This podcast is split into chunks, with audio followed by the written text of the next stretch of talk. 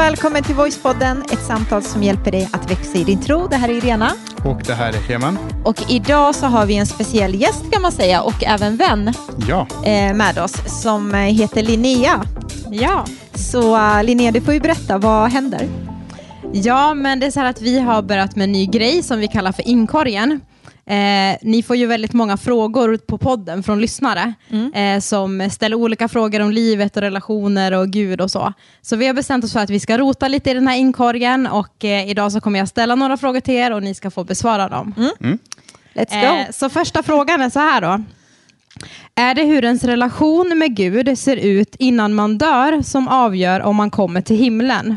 Eller hur ens totala relation genom hela livet som avgör vart man hamnar efter döden? Mm.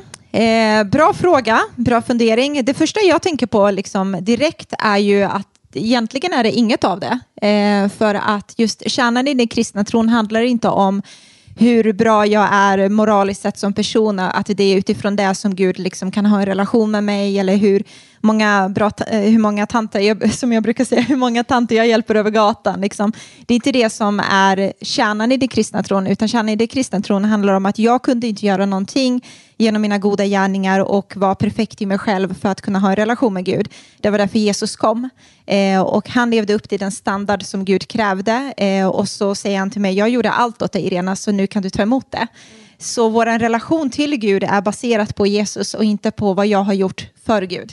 Eh, så det är lite det jag skulle svara väldigt kort så. Mm. Eh, annars så skulle det ju... Jag, jag har ju varit upp, växt upp som muslim innan jag blev först ateist och sen så blev jag kristen. Eh, annars så liknar det ju lite mer islam där liksom eh, vårt liv vägs på en skål och så på den ena skålen så är det våra goda gärningar och på den andra skålen så är det våra dåliga gärningar. Om vi har gjort mer gott än ont så eh, ja, då, det avgör liksom om vi kommer till himlen eller inte. Eh, men, men så funkar ju inte den kristna tron, utan precis som du berättar så, så bygger det på vår tro på Jesus. Att vi får ta del av det han gjorde på korset för vår skull, att han betalade våra skulder. Eh, men det i sig skapar en tacksamhet i oss. Eh, Så att vi vill göra gott. Eh, Så, så kristendomen handlar fortfarande om att vi ska göra gott, men det är motivationskraften, motivationen som skiljer sig lite grann. Att min motivation är inte, jag gör inte gott för att bli accepterad, jag gör inte gott för att bli älskad av Gud och så vidare, utan jag gör det för att jag redan är det. Eh, Och det triggar mig och, och det är en helt annan och mycket roligare drivkraft tycker jag, än att eh, det här hotet att om du inte gör så här så, så kommer du hamna där. Liksom. Så goda gärningar är lite som en bieffekt av att du har lärt känna Gud. Och lite som eh, man brukar säga, liksom, du blir som man umgås. Så umgås jag med Gud som är kärleken själv så borde det producera lite kärlek i mig så småningom och att det spiller över till mina medmänniskor också. Wow, grymt perspektiv. Eh, Ja. och befriande tänker jag också. Det handlar inte om mig, utan Nej. eh, att vi behöver se på Jesus verkligen. Och en följdfråga till det där kan ibland vara, eh, men kan man typ ångra sig på dödsbädden? Typ man har levt ett rövarliv hela livet och sen så ångrar man sig på dödsbädden. Och, eh, och är man lika då accepterad då? Eh, bara för att nu tror jag på Jesus och så, så nu är allting bra. Eh, Men jag tror att när man ställer den frågan så missar man egentligen huvudpoängen med kristendomen. Och eh, kristendomen handlar inte först och främst om att vi ska ta emot Guds nåd. Eh, vi behöver ta emot Guds nåd för, för ett annat syfte. Eh, och det huvudsyftet det är att vi ska få ha en relation med Gud. Eh, så det är klart att jag, jag kanske kan eh, ligga där på dödsbädden och ångra mig. Men då har jag missat ett helt liv utan Gud och då har man ändå missat poängen. Liksom. Så. Grymt. Men jag tror vi nöjer oss så och går vidare. Ja. Eh, nästa fråga lyder så här. Många kristna har tatueringar medan vissa säger att det är förbjudet enligt Bibeln. Vad är det egentligen som stämmer? Jag tänker att synd är något som drar en ifrån Gud, men tatueringar drar ju inte en från Gud, eller? Ja, den är bra. Ja, den är Säger jag som har en tatuering här. eh, men eh, jag kan tänka mig att hon refererar till Gamla Testamentet där det står att man inte ska rista sig på kroppen och sånt. Eh, och eh, du har ju väldigt bra koll på det där med hur de gjorde på den tiden. Nej, men alltså, grundläggande kan man säga så här, du har ju en tatuering. Eh, Det och har den jag. fick du efter att du blev kristen. Vad står det på din Faktiskt. tatuering? Nu kan vi inte dra upp den för den sitter så tajt här. Men eh, det står Saved by Grace, väldigt oskyldigt. Mm. Och så har du tre ja, fåglar. det vart över med bläck så Precis. att han fick fylla på. Och en av mina nära vänner driver en tatueringsfirma. Så jag får inte säga någonting annat än... Nej, eh, nej men alltså det, det det handlar om det är att i eh, Gamla Testamentet, i tredje Moseboken kapitel 19 och vers 28, så finns det ett eh, ställe där, där det står att man inte ska rista in saker i sin kropp och man ska inte bränna in saker i sin kropp. Och det tolkar folk, en del, väldigt liten del ska jag säga, mm. som att jaha, men då får man inte tatuera sig. jag tror du, vi har, har vi med den texten bara så att vi kan läsa den? Så att man ja, precis. I tredje Moseboken 1928 står det så här. Ni ska inte rista märken på er kropp för någon död och inte heller bränna in skrivtecken på er. Jag är Herren. Mm. Eh, och då tolkar man då det att ja, men Gud säger att vi ska inte rista in något och när man tatuerar sig så gör man faktiskt det. Man ristar in i kroppen. Man målar inte bara som man kanske trodde när man var liten och fick det här klistermärket som man skulle klistra på. Eh, men det, det där refererar till det är Eh, det, det var, I den kulturen så var det så att när någon dog så, eh, så kremerade man kroppen och sen så eh, tog man den här askan av den här kroppen och sen så skar man sig på kroppen. Man ristade in i kroppen och skar sig. Mm. Och så tog man då här, den här askan och, eh, och gned in den i såret för att den här människan för evigt ska vara en del av mitt liv. Man liksom gned in den i sitt eget blod så att säga. Eh, och det är det den texten framförallt handlar om. Eh, för texten innan och texten efter, där pratar de om en massa grejer som vi, som vi inte ska göra, som, som vi gör nu. Och det handlar om alla möjliga olika saker i hur man ska hantera sin åker och liksom allt sånt som vi inte gör nu. Så jag tror kontexten är väldigt viktig. Utan eh, tatuera, det får man göra, tycker jag. Sen tänker jag också en liten sån här sidogrej att eh, just förhållande till Gamla Testamentet, om jag ska plocka ut en sak och göra lag av det idag, då behöver jag följa alltihopa då i så fall, utifrån Bibelns liksom, syn på det. Och det behöver jag inte göra, för Jesus levde ju upp till hela, som jag sa förut, till Guds standard och följde liksom lagen till punkt och pricka. Eh, så han kommer med ett nytt bud och säger du ska älska Herren din Gud av hela ditt hjärta, av hela din själ, av hela ditt förstånd och din nästa som dig själv. Och jag tror inte att jag tar någon skada där i att jag tatuerar mig i min relation till Gud och till min nästa. Ehm, så det kan man också tänka på lite så när man tittar på Gamla Testamentet och sådär. Men det har inget med den grejen att göra, men jag vill ändå flika i. Ja, men det är bra. Men en följdfråga till det. Jag tänker mm. så här, du med din tatuering kan ju faktiskt få vittna för människor. Mm. Eh, att de frågar så här, vad, men vad betyder det? Men ja. kan det spela någon roll vad man tatuerar in? Om det är så här, vissa tatueringar är ju alltså, en helt annan grej än vad du har på din. Ja, Alltså jag tror inte att du måste ha massa kristna budskap för att det ska vara okej att tatuera sig, utan där får du tänka själv utifrån ditt samvete och utifrån ditt hjärtas övertygelse. Är det här någonting jag står för? Är det något jag gillar? Är det någonting som jag värdesätter? Och det kan bara du bestämma själv. Liksom. Eh, så, så tänker jag. Precis, och sen så, alltså, det säger sig självt att det är lite sunt förnuft att står man för någonting så, så vill man inte tatuera någonting som säger emot det man tror på. Så Nej. till exempel så skulle jag inte tatuera 666 på min arm. Eh, jag, jag, känner människor som har gjort det som sen har blivit kristna och som får leva med det här för att det inte är jättelätt att ta bort eh, en, eh, en sån tatuering. Och de är älsk, lika älskade av Gud och, så vidare som, som jag. Men, eh, och jag skulle kanske inte tatuera en naken kvinna på min ena... Om det är inte jag? Får jag det? Om det är du? Nej. Eh, men lite, lite, lite sunt förnuft. Ja. Får göra typ där ingen ser på stjärten. Nej, förlåt. Ja, vi går vidare. Ja, det är bra.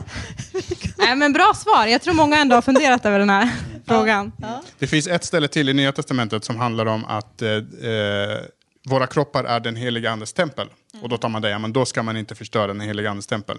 Men då blir det där bara en tolkningsfråga för att en del tycker ju faktiskt om att smycka ett, eh, den heliga Andes tempel och göra Men sig att fin. det är vackert, precis. Mm. Och ska man hårdra just det där, då kan man ju tänka på mycket annat. Alltså det här, den här, hela den här kroppen är ett tempel till den heliga Ande och då ska jag vårda den, ta hand om den, vara hälsosam, träna, alltså så här, alltihopa. Mm. Och då handlar det om så, smink.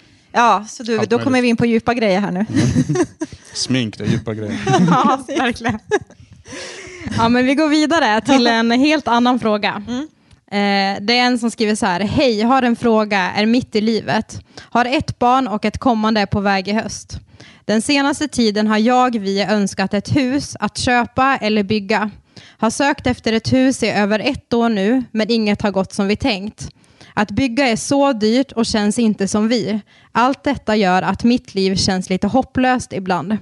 Jag vet att inget är panik och att det är en liten sak mot andra motgångar man kan ha, men det gör att jag ändå mår dåligt över det. Hur skulle ni göra? Mm. Vi känner faktiskt igen oss jättemycket i den berättelsen. Eh, och för oss kan jag berätta, då handlade det om att vi hade flyttat till en eh, st ny stad och gick med i en församling. Och i den församlingen så hade väldigt många, inte alla, men väldigt många hade hus. Och det blev för oss omedvetet, det var ingen som tvingade oss, det var ingen som sa att det var på det sättet, men omedvetet så blev det för oss att ja, men det där är idealet. Så om, om vi ska vara som dem, om vi ska passa in här, då måste vi ha ett hus. Eh, och då letade vi efter ett eh, hus och sen så hittade Irena ett hus som vi kallar den rö- det röda huset med den blå dörren. ska, Bara baserat på yta, det är fruktansvärt, men det är sant. exakt, och vi, eh, vi, Som kostade, det var överpris till och med. Precis, vi Men, betalade ja. överpris för det huset och vi, eh, vi hade inte ens, alltså, det var en kompis som gick och tittade om, om allting funkar. Och, Alltså jag och, tror och vi så. har gjort alla fel man kan göra när man ska köpa ett hus. Ja, faktiskt. Så vi köpte det till överpris, sen när vi sålde det så sålde vi det till underpris och gick i, fick en skuld på det. Vi skrattar nu men om eh, några månader så har vi betalt av hela den skulden efter tio år. Wow, bra jobbat. Eh, så det är skönt. Men, men, eh, men det bottnar lite i att, eh, att gräset är grönare på andra sidan. Vi vill som alla andra. Och när vi tittar på alla andra människor så kan det lätt ge oss känslan av att mitt liv duger inte. Jag är inte bra som jag är. Min familj, mina barn är inte lika bra som grannens barn. Eh, min man eller fru är inte lika bra som eh, det jag ser på sociala medier eller, eller vad det nu kan vara. Eh, och det kan skapa en, en, en stress och press i våra liv som, som inte är bra. Därför att samhället bygger på konsumtion. Vi lever i ett kapitalistiskt samhälle och det bygger på att vi måste konsumera hela tiden. Och för att företagen ska få oss att konsumera så måste företagen få oss att känna oss missnöjda. Eh, så om jag är missnöjd med min hud, ja, då vill jag gå och köpa en hudkräm för att fixa min hud. Om jag är missnöjd med min bil så går jag och köper en ny bil. Och så vidare. Och jag tror att lite av det kanske det handlar om i, i det här fallet. Att, att egentligen har man det väldigt bra. Men för att jag inte kan få det där, plötsligt så har jag det mycket sämre. Jag skulle vilja lägga till först och främst grattis till eh, barnet, till henne då. Mm. men även också lägga till just där att det är okej att inte behöva ha samma grej som någon annan, även om någon annan har det bra. Det har du ju redan nämnt där. Men det finns en otrolig befrielse i att bara vara nöjd med det man faktiskt har. Eh, och bara säga, men så här ser vår familj ut och vi älskar att bo i lägenhet. Eller liksom, ja, drömmen är kanske att ha en pool, men just nu har vi inte det, utan vi får ta det sen när vi har möjlighet liksom, och inte känna den här pressen. För känner man den här stressen och pressen så kan det leda en också till att ta väldigt, eh, inte alltid bra beslut som kan kosta så som det gjorde för oss väldigt mycket. Liksom. Och det, det är inte värt det. Utan att försöka vara trygg med sin familjekonstellation som man har och det, så som man är som familj. Och bara, men vi är här och nu och det är det, det vi liksom är nöjda med. Eh, sen kan man alltid ha drömmar och allt det, men att man får liksom, eh, ja, vara lite avslappnad i det tror jag. Mm. Precis. Eh, och så är ju det här med lycka, alltså det är det vi vill uppnå, alla vill uppnå någon slags lycka. Eh, men då finns det forskning som visar att all form av lycka är relativt till hur all, alla andra har det. Så, så du kan vara mångmiljonär och vara olycklig, inte för att det är fel på pengar, jag hade gärna varit miljonär, eh, men därför att jag, jag kan ha en miljard på mitt konto och så kan jag titta på andra och så säga fast de har 10 miljarder på sitt konto. Eller jag kan ha sparat ihop 100 000 kronor och så kan jag titta på, eh, runt omkring mig och de har sparat en miljon kronor på sitt konto. Eh, så en person som lever i ett eh, skjul i en förort i Indien kan vara lika lycklig som mig som bor och har allt. Jag har en telefon som kostar 10 000 och jag har alla möjliga saker. Eh, så, så, så beroende på vem vi jämför oss med. Så om jag bor i ett villaområde eh, där jag har ett hus som kostar 5 miljoner, som är jättevackert. Någon annan skulle vara liksom, överlycklig om de fick bo där. Men om jag jämför mig med alla andra hus som finns i området och de kostar 15 miljoner, då kommer jag känna att, att jag är missnöjd och jag är olycklig för att jag inte har det lika bra. Så det där ska man se upp med, tror jag, och jämföra sig med rätt personer, eller all, inte jämföra sig överhuvudtaget. Verkligen. Och en sista grej, hon frågar lite hur skulle ni göra så skulle jag vilja säga så här, men känner ni att ni inte är husmänniskor innerst inne så är det okej. Alltså det går att ha ett jättebra liv och bo i lägenhet också. Det är Som vi har. Ja, faktiskt. Precis. Och vi är inte husmänniskor, det märkte vi sen efteråt. Vi är inte händiga, vi har inga gröna fingrar. Det är liksom, eh, och det är okej med det. Liksom. Mm. Grymt, verkligen. Eh, nästa fråga det är lite mer en relationsfråga. Eh, och det här tror Är du jag... redo? Jag är redo. Ja, precis. Jag ska bara plocka upp manuset som du har gett mig. Vi får se om ni vågar vara ärliga här nu då. Eh, för det här kanske blir lite känsligt. Jag får handsvett nu. Nej, men så här står det. Är det fel att störa sig på sin partner? Generellt mot personer också. Eh, bli arg på vissa handlingar eller hur man själv blir behandlad. Och hur löser man det i så fall och reder ut? Det är fel att den andra parten stör sig på en själv. det är fel. Nej, självklart inte. Jag stör mig aldrig på dig. Nej. Nej. Självklart Jo. inte. Vi Ofta. stör oss på varandra jätte, jättemycket. Gör du på, det så ofta? eh, På massa olika områden. Och det blir mindre och mindre med tiden därför att vi på något sätt... Du börjar bli mer och mer lik mig. Ja, precis.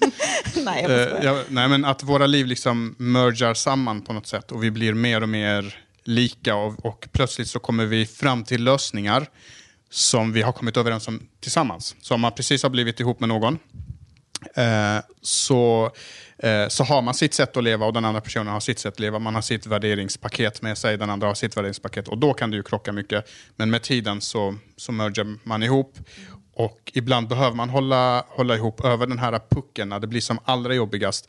Och så på andra sidan den pucken, då har man liksom uppnått någon bättre samstämmighet på något sätt. Mm. Men eh, nej, det, jag tycker inte det är fel att störa sig.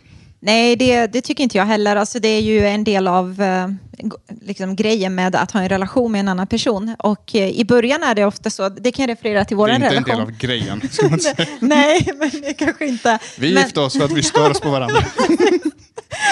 Det är ändå bra utgångspunkt. Nej, men det var inte så jag menar, jag ska förklara. Vad jag menar är att eh, typ det jag älskade med dig, att du var så här, men du är väldigt strategisk och du tänker ut tio saker redan och du är redan inne i 2030 liksom, typ, och 2035, nästan så. Eh, så det tyckte jag var spännande med Heman, att han var den här, så här såg framåt grejer och det, det var det som var attraktivt tyckte jag. Eh, men det kan också vara nu det som också kan vara väldigt irriterande för att man bara, nej men nu kan du bara slappna av lite, nu ska vi vara här och nu måste vi tänka vad vi ska göra 2050 liksom. Utan nu är det 2020. Eh, så att det är båda och liksom att man, det man uppskattar i början i en relation med tiden, om man inte bejakar det där och är tacksam för den där sidan så kan det till slut bli en irritationsgrej också. Så det beror på lite vad hon menar med så här, störa sig på sin partner. Just det. Men jag, jag känner ju er ganska väl och jag vet att ni är ganska olika. Ja. Eh, men kan det vara så också att olikheter kompletterar och blir en styrka i en relation? Även om det kanske är störande ibland, men att man ändå kan dra nytta av det.